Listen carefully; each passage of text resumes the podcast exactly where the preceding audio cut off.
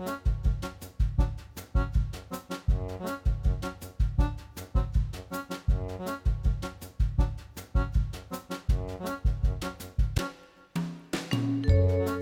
og sæl og velkomin í mannlega þáttin. Í dag er miðvíkudagur og það er 24. ágúst.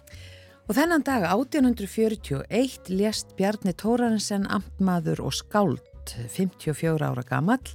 Jónas Hallgrímsson orti um hann erfiljóð sem hefst þannig skjótt hefur sól brúðið sumri. Svo var það þessum degi árið 1906 sem að rýtsými á milli Skotlands og Íslands um Hjalland og Færejar var formlega tekinn í nótkunn og var sæsímastrengurinn 534 sjómílur að lengt. Sveit Björnsson, fórseti Íslands og Franklin Roosevelt, fórseti Bandaríkjana, rættust við í kvítahúsinu í Washington á þessum degi 1944 en Sveit var þá í ofinberi heimsókn í Bandaríkjana. Norrænahúsi í Reykjavík var víkt á þessum degi árið 1968.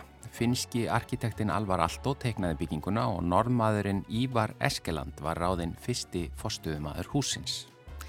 Og svo var það 2006 á þingi alþjóðsamband stjarnfræðinga var samþygt að telja Plútó ekki lengur til reykistjarna sólkerfisins. Já og á þessum degi árið 2008 Ísland vann silfurvöllun í handbólta á olimpíuleikonum í Peking Já, sem sagt 2008. Já, uh, að efni þáttanins í dag.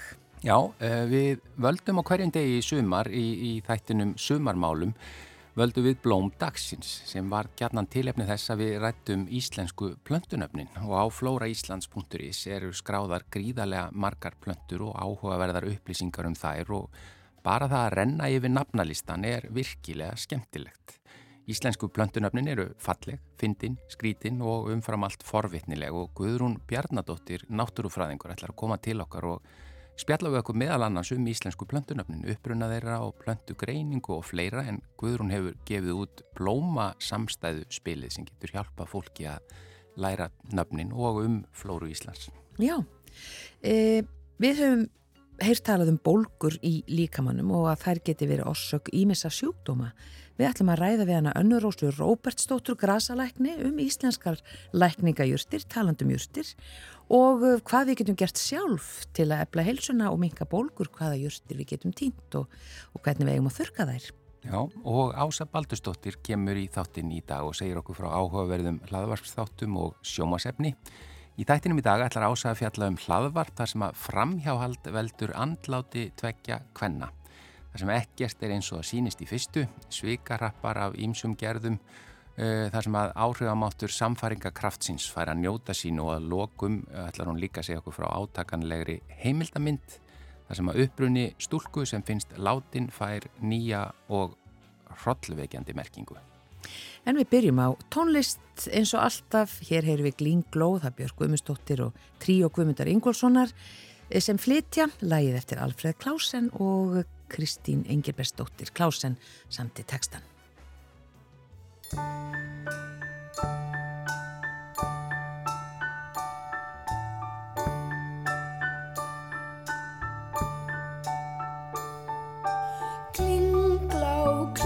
Sló, mánin ofar skýjum hlá, líst upp gamla götu slóð, þar glæðlegu lína stóð.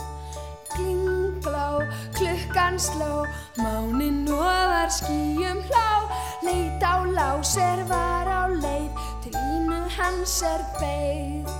Unnendum er mánin kærum, þeir tæra ljómasla, lás á byðilsbuksum var, brátt frá línu færan svar, klinglá, klukkan sló, mánin ofar skýjum hlá, lási var svo hýr á bráð því lína sagði já.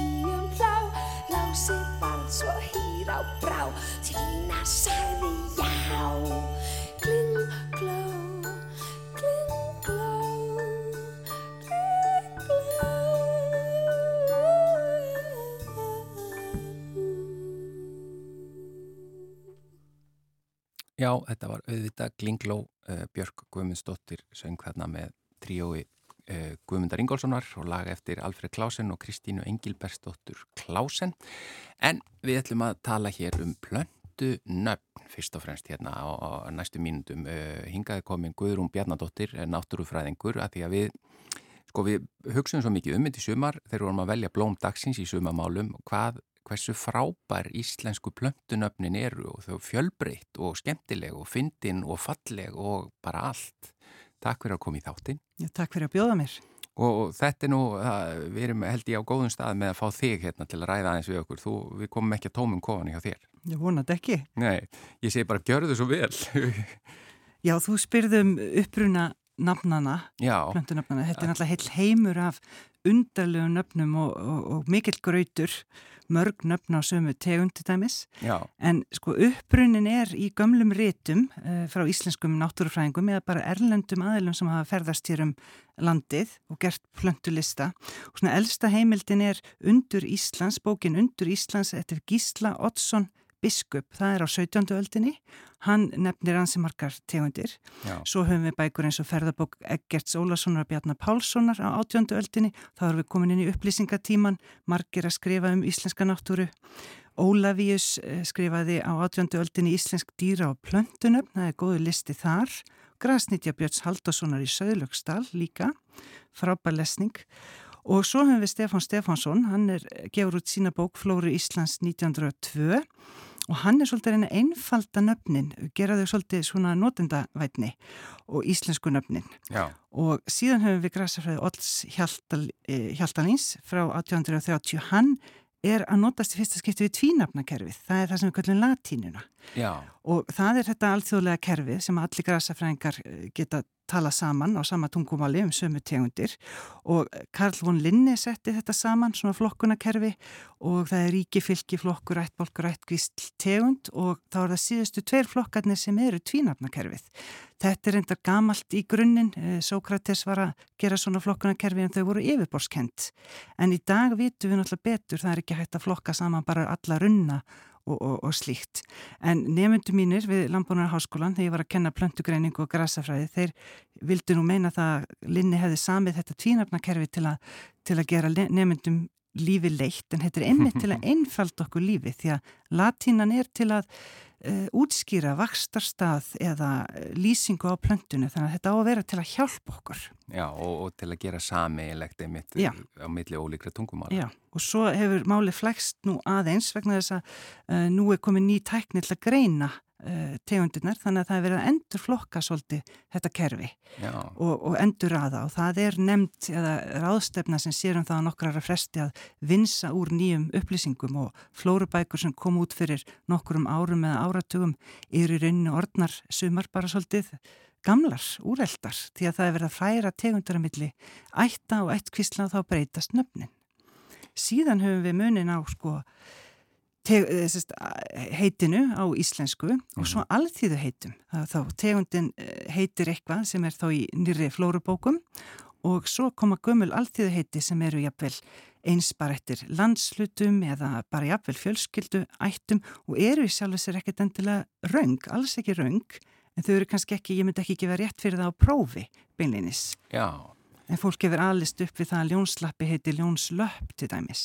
Já, nánast eins. En, Já, sumir er svipuð, sumir er allt öðruvísi. En þessi nöfn sko að því þegar maður sér eins og inn á Flóra Íslands, allan hann lista af þessum fallegu skrítnu, alls konar nöfnum, er, ég hugsa oft að það er bara eins og þessi skáld sem að hafa búið til þessi nöfn. Já, menn hafa náttúrulega bara verið að skálda.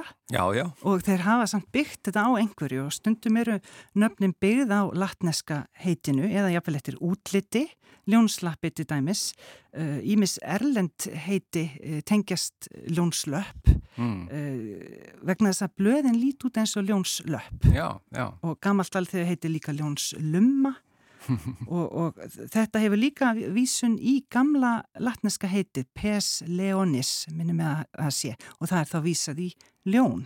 Svo eru sum, sum nöfnin sem að vísa í netjar á plöntunni, til dæmis ætikönnin, hún var mikið borðuð en latneska heitið er uh, Angelica Arcangelica, kent við engla. Englum voru þökku þessi góðu nót sem hafa mátti af jörtinni. Hún var líka kallið engiljört. En já, þarna eh, höfum við íslenska heitið í tengslum við það að við eh, vorum að borðana. Svo má kenna tegundi við, sem eru að kenda við Vakstarstað, Mýrasólei, Vallarfoksgras, Vex á Velli og svo framvegis. Mm. Svo er eitthvað læk, lækningamáttur, til dæmis brjóstagras. Það átt að lækna alls konar brjóstveiki og styrkja brjóstkvenna og þá er spurning hvort þetta var eitthvað raunverli virkni eða hvort þetta var bara útlitt blaðana til dæmis, minni svolítið á brjóst. Og svo hjátrú. Maríuvöndurinn átti að já Maríuvöndur uh, það var sagt að Marja mei hefði raskelt börn, með Maríuvöndinu ég held hún hefði verið góð kona. Já, en Þannig það er betar þá Maríuvöndur en rasketlingarvöndur Já, það hljómar aðeins betur, aðeins betur. Já, en sko þjóðablómið okkar eh, Holtasólein eh. Já, Holtasólein, hún alltaf kennir sig við, hún vex í, í holt, Holtum, Já. það er svona að segja sér sjálft og svo er það latneska heitið Drías octopetala Drías þýðir þá eikarlíkur og blöðin eru eins og blöð á eik og octopetala þýðir átta krónublöð þannig að þetta á að lýsa plöntinni mjög vel og hjálpa okkur. Já. Svo höfum við íslensk alþjóðu heiti eins og rjúpnalauf á blöðin á holtasólinni því að rjúpan borðaði laufin og svo gengur hún líka undir nafninni þjóvarót því að það var hægt að uh, stela grafsilfri með rótinni eftir mjög floknum aðferðum. Já, sko við, ég sendi á því smá lista af, af uh, plöntum sem við vorum völdum í, í sumar sem blóm dagsins eh, og, og svona þú skoðaðir aðeins nöfnir að ég bara, að ég kasta hérna fram eins og bara grámigla Já, grámigla það er, ég held að nafni komi til af því að eh, hún er grá, hún er með hæringu mm. þannig að er eins og hún sé hún er hærið þar eins og komin svona miklu þráður í hana já, já. þetta er mjög skemmtilegt nafna, mjög falleri jörst grá mikla hljóma nú ekki ekki drosa fallet en lýsandi já, já. dýragras? Dýragras er svo dásanlegt það er sérst heið dýragras. Þetta er ekki að dýr borði tegundina, þetta er svona eðal litur, þetta er dýrtegund eða þannig, dýrari típan. Óbáslega falleg og gömul alþjóðu heiti eru eins og Karlmannstrygð Arnarót, Bláinn. Bláinn alltaf út af bláa litnum og eh, Karlmannstryggðir að því að blóminn þau loka sig yfir eh, eða, eða skýtregu fyrir sólu þau verður svolítið dindótt þá bara skella þau í lás. Og, og Karlmannstryggð eh, blómið er jafn hverfult og ást Karlmanns. Þetta er svolítið dramatíst Já, en þú ætlaði, þú kynnti líka til einhver skrítinöfn og, og svona förðuleg ekki satt? Jú, mér Já, mér, mér dettur nú svona helst í hug hérna Fred Mura. Afskaflega skemmtilegt nafn. Það er á lækjar grítu og ég kann nú enga, ég fann enga útskýring á þessu. Svo er það kúabani fyrir hjartaarfa það kannski segja sér sjálft þó ég hafi ekki fundið beinleginis skýringu á þessu Er ekki, eru þið bannvæn fyrir Ég hef nú ekki heyrt af því, nei, nei. en uh, einhverjum ástæðum er þetta að kalla kúabani Já. Svo hefum við píknajurt, það er ljósberinn og það er úr danska heitinu oft eru okkar nöfn tengt við uh, norræn nöfn Já. og það er þá píi stúlnajurt og svo sögðamerkur, sögðamerkur það er limur fann enga útskýring á því. Já. Limur. Sauðamerkur er semst kallað limur líka. Já, mjög algengt eh, gammalt alþýðu heiti. Já, já, já. En sko, bara hérna aðeins í lokina því að það er bara, við höfum gaman að þessu og við höfum gaman að plöntu og við fundum það bara í sumar þegar við varum að gera blómdagsins og, og þú hefur gefið út hérna alveg frábær spil sem að hægt er að fræðast um flórulandsins uh, og, og bara fyrir rauninni allan aldur. Akkurat, fyrir, fyrir alla fjölskylduna. Já. Ég gaf þetta flóruspilið, fyrsta stokk í fyrra, annan stokk núna. Það er það 13 tegundir uh, í stokknum. Þetta gengur upp eins og venjulegu spilastokkur og það spila með veiðimann. Já. Þannig að áttu geldingarnapp, áttu dýragras uh, og maður fær slag og veiðir og allt þetta. Svo er minni útgáfan sem heitir Blómaspilið. Það er þá samstæðuspil, svolítið einfaldari útgáfa og það er þá fyrir yngri börn eða bara hvern sem er til að finna samstæður. Og það er á íslensku, ennsku, latínu og pólsku og stærri stokkarnir eru líka til á íslensku, ennsku og pólsku þá bara aðskildir stokkar. Já, þetta er, og sko, þetta er til að byrja með bara frábærlega falleg spil. Já, ég fekk að nota mynd eftir Egert Pétursson listamann á spilin og umbúðunar. Mjög þakklátt fyrir það. Þetta setur fallegan svip á spilin. Já, og, og þetta getur öll fjölskyldan spila saman og, og einmitt, hérna, maður fær veiðimann eða maður fær slag eða hvað það er og svo getur maður lesið um jörtirnar. Já, fræðstum þar í leðinni. Þetta er til að vekja áhuga fólks á, á gróðurinnum í kringum okkur og opna augu barnana. Þau eru eins og svampar á þessar upplýsingar og fara þá að taka eftir náttúrunu og það skilja sér svo setna í auknum skilningi, heldaskilningi á umhverfinu. En sko öll þessi skemmtilegu nöfn uh, eru, er ennþá verið að búa til íslensk heiti á, á nöfn og ég meina hver, í hverja höndum er það þá? Það eru þá væntanlega, nú er ég að skáldi eðinar, grasafræðingar hjá Náttúrfræðstofnun og uh, það er náttúrulega verið að endurflokka allt þannig að sumar tegundir þurfa að fá ný nöfn. Já. Þannig að það er ennþá verið að vinna í þessu, svo að verið að finna nýjar tegundir á Íslandi sem hafa numi land og það þarf þá að finna þeim íslensk heiti. Þannig að það er mikil vinna framöndan eflaust. Já, það er allan að þetta renna yfir listan til dæmis bara á flóraíslands.is og verða svona innblásinn því að það, ég vorna að nýju nöfnin verði jafn lifandi og skemmtileg og, og þessi, þessi gömlu. Eflaust. Já, en Guðrún Bjarnadóttir, eh, náttúrufræðingur, þakka er innilega fyrir að koma í manlega þáttin. Við erum margsvísari Og þetta bara vekur vonandi ennþá meiri áhuga hjá fólki að kynna sér uh, plönturnar í kringum okkur betur. Bara bestu þakki fyrir komuna í manlega þátti. Takk fyrir mig. Í bláum skugga að brósir um brei Við eigum pípu kannski eilítið mei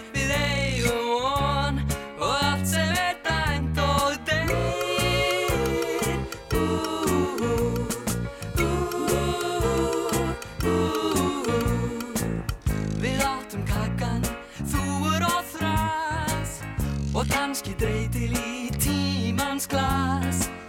En hvað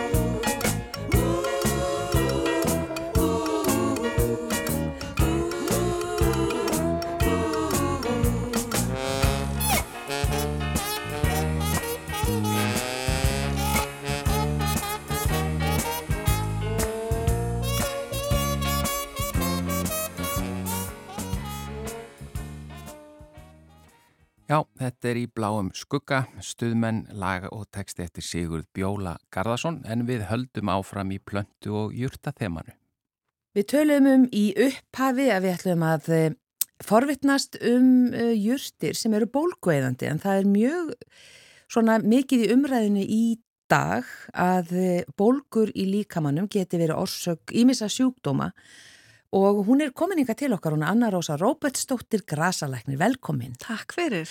Eh, ef við bara byrjum á því, nú er ágúst, eh, það er komið hvað, 24. ágúst, er hægt að týna einhverjar júrstir eh, í, í dag sko, það er sem mjög eru bólgveðandi til dæmis. Já, það er hægt að týna eina. Sumari var mjög snemt hérna á höfuborgarsvæðin og Suðurlandi þannig að ég er löngu búin að týna allar helstu júrtin en það er ein sem ég er ennþá að týna og það er Vallumall.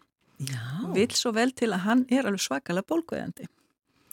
Og hvernig, svona bara fyrir það sem ekki vita, hvernig lítur hann út og hvar er hægt að finna hann? Um, hann vex allstaðar en aðalega samt í vegkvöndum og stöðum sem er ekki hægt að týna hann. Þú getur náttúrulega ekki fara á týndan hérna á höfuborgarsvæðinu heldur.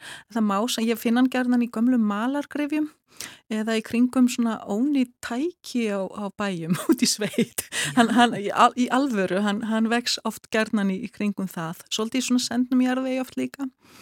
Uh, ég, hann er auðvitað að lýsa jurt í útvarpinu. Prófaðu. Já, vallumal, já, það, það er eiginlega ómúlegt en ef þú googla vallumal, fólk sem þessum fólk hefur mestar áhyggjur af með týnslun oft er hvort að, að því hann er bæði hann er bæði hvítur og svona fölbleikur og svolítið fjólublar það er nokkur afbreyð af hann í viltur, semst viltum og fólk hefur áhyggjur af því að, að, að það skiptir máli hvaða lit það týnir og það skiptir engum máli Þannig að ég vil bara leggja áherslu á það strax að ég fæ svo oft þessa spurningu, ég fengi það svo mikið á námskeiðum gegnum árin, Mm. að máti, eða semst hefur þetta sömu virkni og já, það skiptir engum máli. Já. Þannig að ég, ég veit, ég hef alveg ómöld að lýsa þessu í útvarfi. Ég held að þetta sé fyrsta skipt sem ég beðum að lýsa einhverju í útvarfi. En hann aðna, maður týnir blóminn og svo líka blöðin, maður sleppi stönglinum.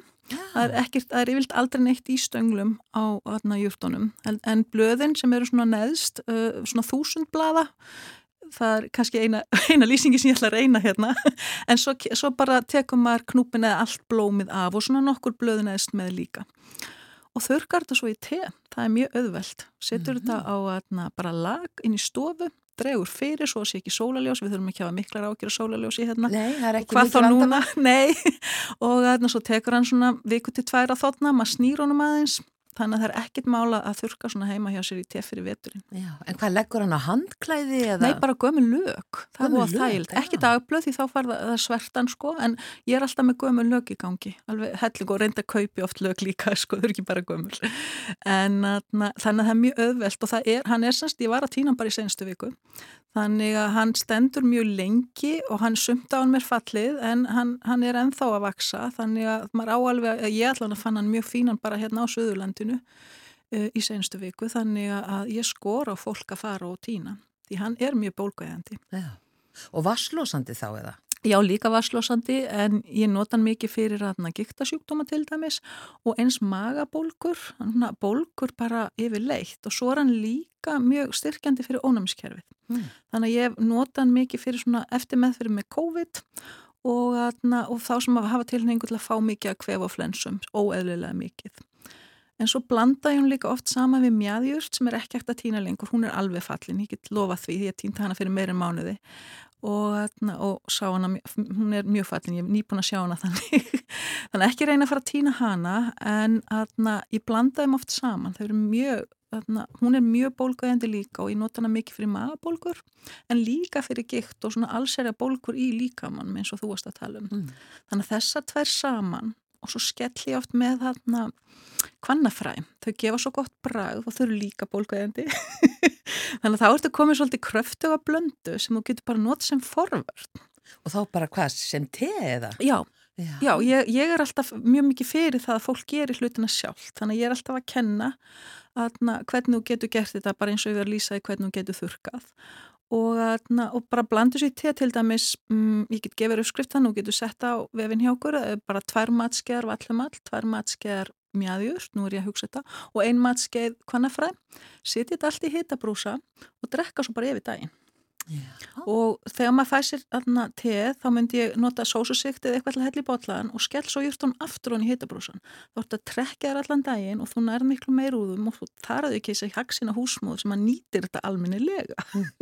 Mér finnst þetta skipta máli. Já, þannig að þá ertu komið bara tebrúsa og getur tekið að með þér í vinnuna engin afsöngum fyrir því hann en ekki búa allir tebotla ég nota, hef oft notað þetta ráð fyrir sjúklinga hjá mig líka sko, Mm. gera hitabrúsan fyrir daginn ertu komið heitt fyrir allan daginn. Ekkert mál. En hvað, ég má maður setja smá hunang í þetta? Já, eða? þú getur alveg gert það eða smá engi fyrir það kanil, brabætað mér eitthvað, mér finnst þetta náttúrulega, ég er náttúrulega skrítið, mér finnst allt svona gott sko, þannig að ég sitt ekkit úti, en nei, nei, það er allt í lagi sæta örlítið, uh, betra sleppaði og getur það. En ef, ef að það er aðalmáli að sæta pínlítið þá gerur það mm. ég held að það muni borga sig upp og það drekkir til, Já. klárlega En er þetta, já, eitthvað sem þú fær meira og meira inn á þitt borð að það er uh, þetta með að fólk vil fá eitthvað sem er uh, bólgueðandi? Já, Já, ég hef fengist mjög mikið við það í gegnum tíðina og, na, og það er náttúrulega bara mjög mikið til af júrtum og kryttum sem eru bólguðandi og bólgur, bólgur í líkamunum er undirótina mjög mörgum af þessum krónisku sjúkdómum, svo kvöldu lífstílsjúkdómum, það er oft talað um það þannig, Já. en ég er algjörlega á þeirri línu, það er ekki nokkuð vafi í mínum huga hreinlega, ég Já. sé þetta svo mikið sko. Já, og hvað er það sem veldur bólgunum? Er, það, er þetta bara mataræði? Ofta tíðum er þetta matræði, já og náttúrulega allt og mikil síkur það er kannski bara, þetta er engin gemvísindi, það vitir þetta allir það bara nennir engin að díla við það. Ég er án gríns þetta, þetta er allt og mikil síkur í fæðinu allt og mikil brauð, kannski pasta skilur, allt og mikil að kolvetnum og ekki er ég nú mótfallin þeim en fólk bara borðar óhóflega óhóflega mikið af, af mjölkuvörun líka. Þannig að einhaft mataræði fólk eldar ekki nógu mikið of mikil skyndibiti og, og bara of mikið eitthvað svona áslega tilbúið elda einfalda mann hvað með til dæmis bara sóna ís og kartöflur? Og salat með? Eða, eða eitthvað svona gamaldags þannig, það er afskaplega góð hugmynd finnst mér. Já, einmitt. hmm. Minna af svona tilbúnu. Já og bara sjóða fisk. Gera eitthvað bara svona einfalt. Það er alveg hægt að gera hann góðan þannig, sko mér skaman að elda til dæmis þannig að ég er ekkit alveg hérna út að aga í þessu en það er ekki rosalega flóki en þetta er spurning um, um hugarfar Mm. og, og hvað þú vilt gera og líka það bara búið að vennja okkur við annað líka. Já. Það, það, þarf, það tekur tíma að vinda ofan að því og Mm. taka ákvarni með já nú ætla ég aðeins að hugsa betur um sjálfa mig til Akkúrat. dæmis. Við vorum að tala um júrstirnar, er þá eitthvað, og þér finnst gaman að elda, er, svona, eru einhver matvæli sem hérna, eru góð við bólgum? Eða sem sagt, Já ég hugsa náttúrulega strax um krydd það því ég, náttúrulega það er allt lækningajurti líka þannig að ég nota svo mikið krydd eins og túrmerik til dæmis. Uh, ég set það í mat til dæmis sem bólguðandi. Mm, ég nota náttúrulega mikið basil og kóriandur og alls konar svoleiðis kryddjurti líka. Uh, mataræðis, ég náttúrulega bara grammit yfir höfuð. Nógu mikið af því en ég er líka fylgjandi mikið af fiski og, og eins kjöt líka, kannski ekki eins mikið af því en, en, en ég vil að fólk borður öllum fæðutegundunum eins og það getur. já, Uh, hjá, þetta, já, þetta, þetta er í rauninni, ef þú hugsaður þetta bara þannig, nóg mikið af fiski, fullt af grammiti og kjöt öðru koru klálega, að, þá ertu bara í góðum málum. já, Eitthvað af, af náttúrulega kortmeti líka, en ég er ofta fást við glútenofnami til dæmis eða glútenóþól, þannig að na, ég er ekki, mæla ekki svo mikið með því. já. Að því, að það er aftur það að fólk borða bara hreinlega mikið held ég, meira heldur en eitthvað annað. Allt er best í hófi á alltaf við. Já, ég er alveg sammálað því líka, Greinilega. ekki spurning. Já, en uh, ég sá einmitt hérna að þú ert að, að bjóða upp á netnámskeið. Heyrðu, já, Fyrir- það, er, það er allra nýjasta hjá Já, mér. fyrir Þetta- þá sem vilja læra á júrstirnar. Já, ég sem sagt var alltaf með kvöldnámskið bara um íslenska lækningajúrstir í mörg mörg ár. Ég held einn 25 ár þá kendi ég mjög mikið svona alveg marg oft á hverju ári og var mjög vinsælt. Og svo hætti ég því alveg bæði, bæði, það var lungur reynda fyrir COVID, ég bara hreinlega komst ekki yfir þetta lengur og ég bara hætti með þetta. Og síðan þá hef ég fengið endalösa fyrir spurnir hvenar ég, hvenar ég ætla að kenna aftur? Og ég ætla ekki að kenna þannig aftur. Þannig ég ákvað að búið til netnámskeið sem að ég ætla að fullir það hér með að sé eina svona tegundur í heimi um íslenska lækningajurti. Ég hef hverki rekist á neitt annan með netnámskeið um íslenska lækningajurtir og það frábara við þetta er að þú bara lærir á þínum hraða það sem þú vilt. Þú ert ekki að fara á sumfund með mér, þú þart ekki að mæta einhver staðar, þú bara lærir þetta eins og vilt. Ég er semst búin að taka þetta allt upp sjálf og þetta eru 14 jurtir og ég kenni fólki frá allu eins og ég var að lýsa á hann með að þurka. Ég semst kenni hvernig þú átt að þurka og geima jurtirnar og hvernig átt sín að vinna úr þeim, alla grunnuppskriftir, ég með 26 uppskriftir þar fyrir utan, utan grunnuppskriftirna sko. Þannig að ég er svolítið að kenna fólki hvernig það á að vera sinn eigin grasalæknir með svona einfalda hluti eins og hvef og flensu, hvað getur gert og hva, hvernig þú getur bara gert þetta sjálf næsta sumar og jafnvel ennþá núna náttúrulega vallum allar þetta grafa brætu líka. Mm. Þannig ég, sko ég er búin að vera tvö ára búta til þannig ég er svo spennt sjálf. Vandræðilega spennt að þetta er búin að vera svo skemmtilegu ferill. Að þarna, og ég er nýbúin byrja, semst að þetta er nýkomið í lofti hjá mér og ég, þetta er ennþá í forsölu sem þýðir það að fólk fær bæði afslátt og bónus. Ja, og, og forsalan semst líkur á mánudagin þannig að ef fólk vil grýpa gæsina þá þarf eiginlega að hugsa það ansi hratt sko. En, en það hefur bara verið stanslust spurt um þetta síðan ég hætti að kenna fyrir nokkrum árum. Já Hefur íslenska sumari verið svona gott til, já hvað ég segja, vakstar og síðan týnslu íslenska? Þetta var, æðis, þetta var æðislegt sumar. þetta var æðislegt sumar vegna þess að byrjaði svo snemma. Ég var eiginlega alveg bara hlaupim í mæ og ég man vall eftir svo áður og eins tínand á stuttarmaból það er frekar óvanulegt, ég er yfirlt í húfu og vellingum líku við. En nei, ég er sem sagt laug tínslunni miklu, þetta var alveg þrem, fjórum vikum fyrr en vanalega myndi ég segja sko, þannig að það er fyrir mitt svona grasalegna hjarta alveg ofsalega þægilegt að vera búin að ná all í hús löngu fyrir áallan tíma, því maður er stressar út af verðin, ég get bara týnt í þurki Já. að öllu jöfnu, þannig að ég er alltaf að hlaupa á eftir hvernig veðrið er og ég passa mig að, að, að að bóka mig ekki neitt á sömurinn út af þess að týnslan gengur bara hreinlega alltaf fyrir hjá mér. Já. En kæra þakki fyrir komuna hingað í manlega þáttin Anna Rósa Róbestóttir Grasalæknis.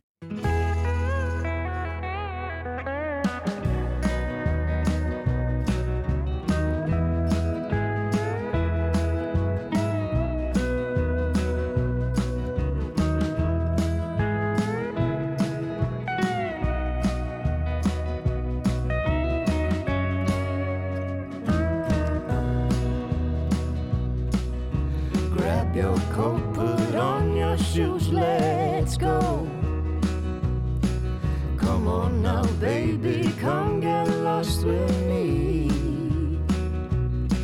My hand in your hand, what more could we want?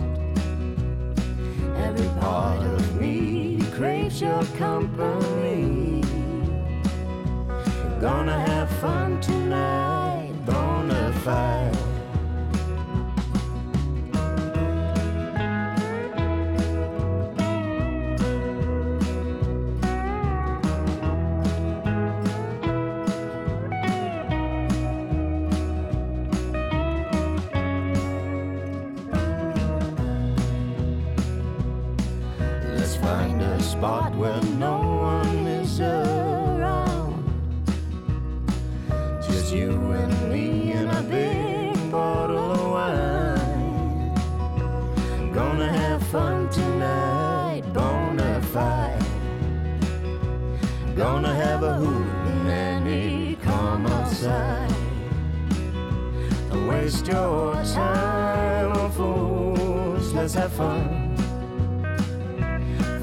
About your troubles and dance with the night.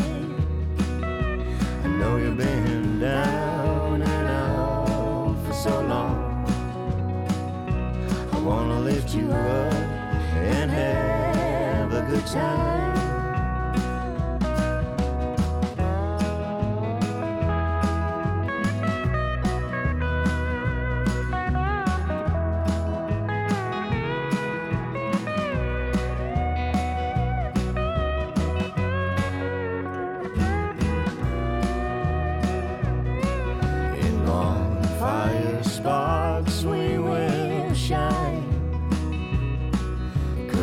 dancing and dancing all night long. Together we can do no wrong. We're gonna have fun tonight. Gonna fight.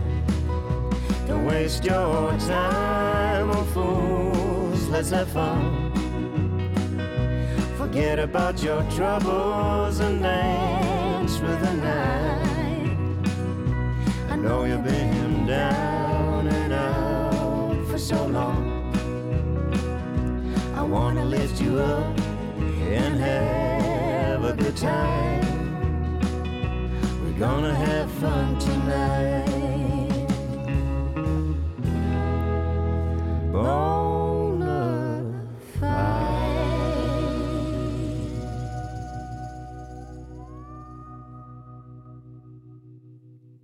Þetta er Bonafide, uh, Krummi Björgvins syngur það á samt uh, Sofíu uh, Björgu. Og það er Krummi sem að semur lagið, mm. lag og texta og það er skrifað Ottur Rapp Björgvinsson, það er ekkit margi sem vita fullt nafnans. Nei, Ottur Rapp Björgvinsson, fallegt nafn. Og hún er komin til okkar, hún Ása Baldurstóttir, það eru þessi hlaðvörp og sjómastættirnir. Hér nú getur fólk gripi glósubók og blíjant mm -hmm. og skrifa hjá sér. Emmitt. Velkomin. Takk fyrir, ég er búin að vera svo spennt að fara yfir efni vikunar, eða ég kem nú á tveggja vikunar resti, en af því að þetta eru svona mín sérleg áhugamál í bæði hlaðvarpum og sjónvarpi. Og fyrsta hlaðvarpi sem ég ætla að fjalla um er með því betra sem ég hef hlustað á. Já. Og það heitir Bad Bad Things og er á Apple hlaðvarsveitunni en er aðgengilegt allstaðar. Og þetta sko hlaðvarp það var bara einhver sem að setja inn ábendingu inn á þessa hópa sem ég er á og bara þið verðið að hlusta á það. Af því að þetta hlaðvarp það byggir á mjög svona áhugaverðu og sérkennilegri aðferðafræði. Nú, uh, þetta er byggt á sögu hjóna sem að lenda í hjónabandserfileikum, sögum framhjáhalds og uh, það er nú kannski ekkert endilega nýsaga en ég, hún er bara gömul, gömul og ný. Gömul og ný.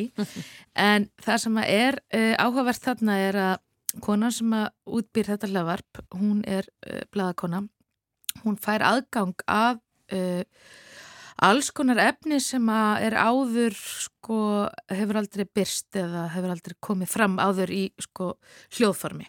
Og þá er það til dæmis hljóðklippur úr síma eiginkonunar uh, og alls konar svona efni og upptökur sem hún hafiði sangaða sér eða tekið upp bæði í leifi og óleifi og í óleifi þá ég við sko að sagan hefst að því að, að þessi hjón þau flytja, flytja spúferlum, færast á milli ríkja í bandaríkjunum en þess að eigimadurinn uh, færi nýja vinnu, þau heita svo satt Jenner og Mark og Mark færi nýja vinnu í öðru ríki. Nú hann flytur aðeins og undan Jenner til þess að koma sér fyrir, hitta yfirmannin og, og undibúa allt sem við kemur þessum, þessum breytingum í þeirra lífi. Mm. Nú þegar einkona kemur loks eftir 56 vikur að þá tekur hún eftir því að hann er eitthvað aðeins svona öðruvis en vennilega en á að sér að vera sko. Og er svona laumupokast og er með síman og vill ekki, þú veist, sína henni aðtegli eins og hún er vön.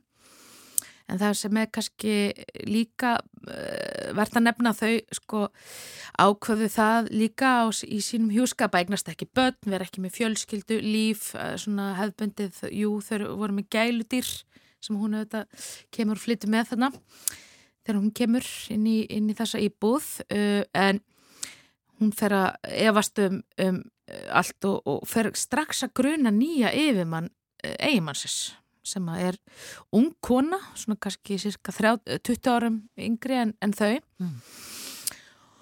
og svo þróast hann út í það, hún er alltaf að spyrja hann sko. Að það sé þá, já, eitthvað á milli þeirra. Já, já. og hann neytar því alltaf og, og þetta er kannski líka atriði í hlaðarpinu þar sem að það tala við sko sálfræðing og gæðlækni uh, þar sem að þeirra svona einslög koma að því að það kannski líka alltaf erfitt fyrir þann einstaklingi í svona ástasambandi mm.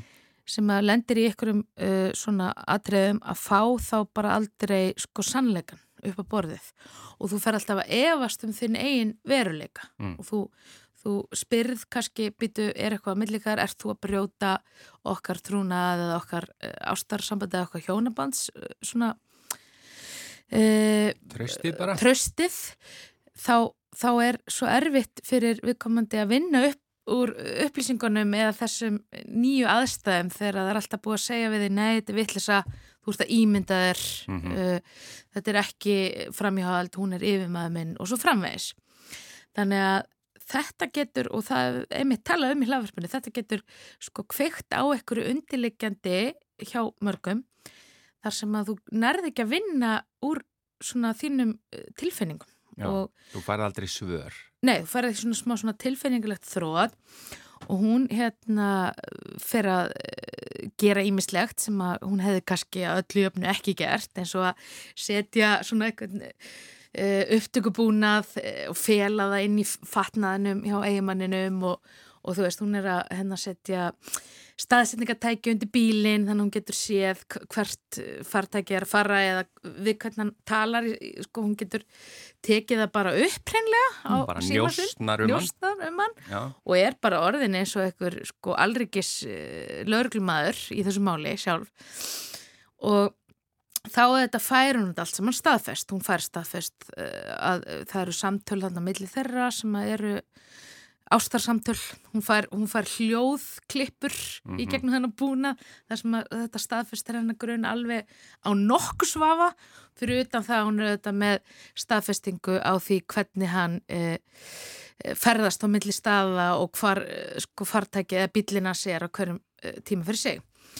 Nú, hún fer með þetta allt saman og uh, segir bara við eiginmann sinn, nú er ég bara með þetta svarta hvítu. uh, og þ- hann, hann þráast við og hann er ennþá að ljúa og hann er ennþá að svona eins og margir segja gaslýsa hennar Mm. uh, frásögn þó já svo hún þetta sé sé með bara ekki rétt. Já, það sé ekki rétt og eða gera lítið úr, nei, þetta, að, eitthvað að rugglast, þetta samtal var uh, öðru, öðrum tóa, þú ert að túlka það Já, já, já. þannig að þetta sé ástasamband, þetta er ekki það og eitthvað svona. Og þá er þetta sko, brotnar eitthvað inn í konunni, eh, en það er margir sko, af því ég verið að lesa svona, hérna, já, umsagnir um þetta hlaðvarp og það var margir sagt sko, af hverju fær þessi hlaðvarstjórnandi aðgengi að öllum þessum hljóðklippum og öllum þessu efni á síma eiginkonunar. Mm. Af því að án þess ég vilji sko spilla sögunni þá þetta endar þetta með því að hún uh, lætur lífið og tekur sitt eða líf. En þá er þetta þetta siðferðismál sko bæði í bladamennsku og bara hvernig sko við áhörendinir er, erum að nálgast viðkvæmt efni. Mhm. Þú veist, er það rétt hjá okkur að vera hlusta á þetta hlaðvarp Mhm. og, og hlusta á þessar hljóðklippur hjá, hjá látinni konu sem að, uh, sem sagt, já, er, Ég spyrði þá bara ása, var það rétt hjá þér?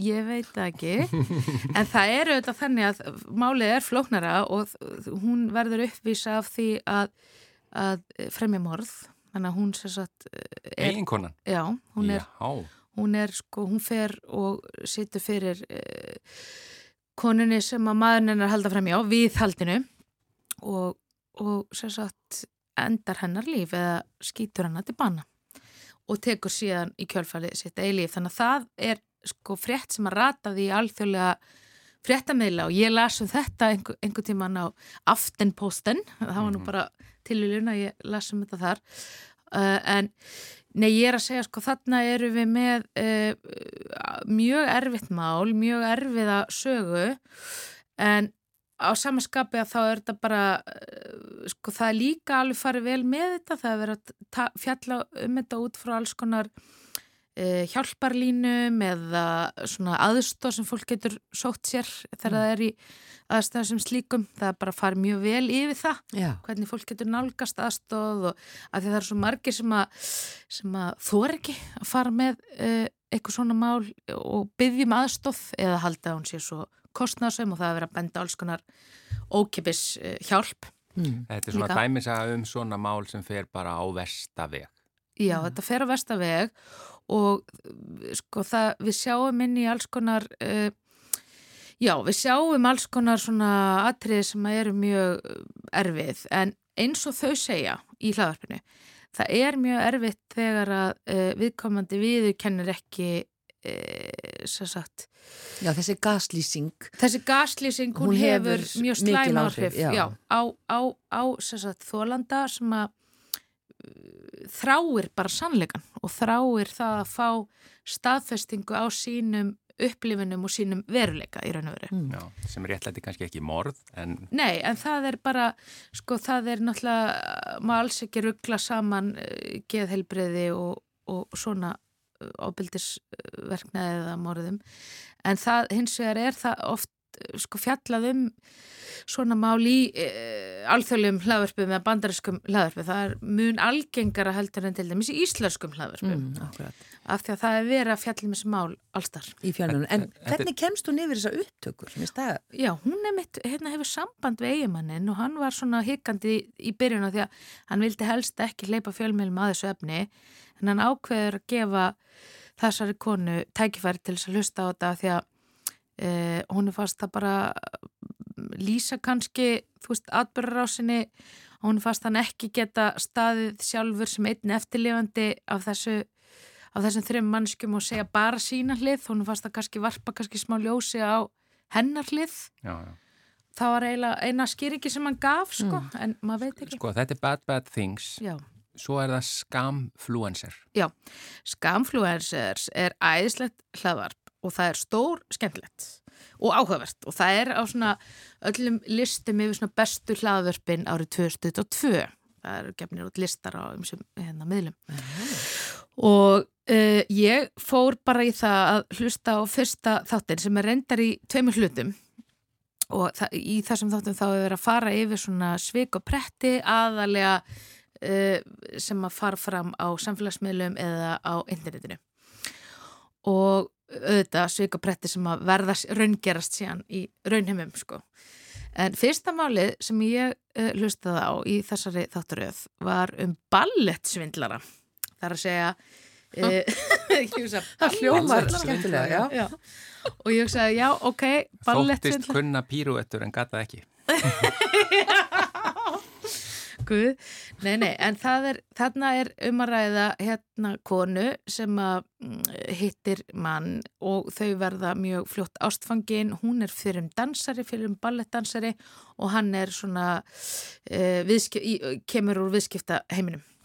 Nú þau ákveða það að eftir að þau sitja eitt kvöldið heima í uh, sofanum að þau eru að horfa fréttir og þú sjá frétt um ballettdansara sem var sagt upp fyrir það að vera of hávoksin mm.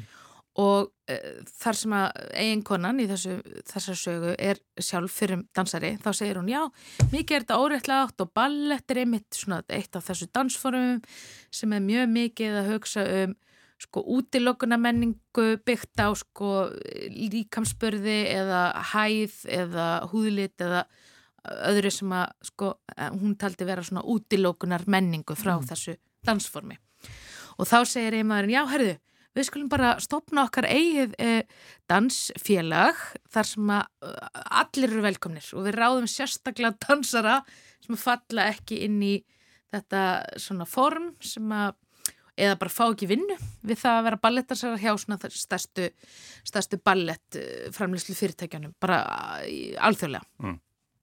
Og þau fara að stað með þetta og þetta er eh, sko dansfélag sem að hérna, ákveður að sko ráða 40 eitthvað dansara bara á fyrsta árinu. Það fá allir svona skamtíma samning mm.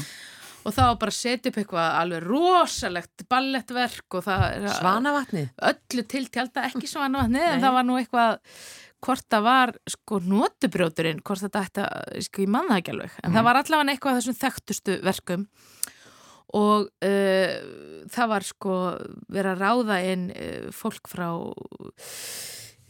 bara öllum, öllum þessum hornum af, af útilökana menningunni en uh, já, þannig en svo þegar að bolti verið að rúla og dansarandi byrja að mæta og þá mæta er bara eitthvað pínulíti herbyggi og þetta er ekki dansstúdjó það er ekki, það er ekki þessi aðstæð sem þeim var lofað og það er allt það verður allt bara mjög súrt mjög fljótlega og þetta verður ævintýralega mikið rugg ég byrði fyrir að lista þetta ballett svindlir en hérna heimildamindin Girl in the Picture.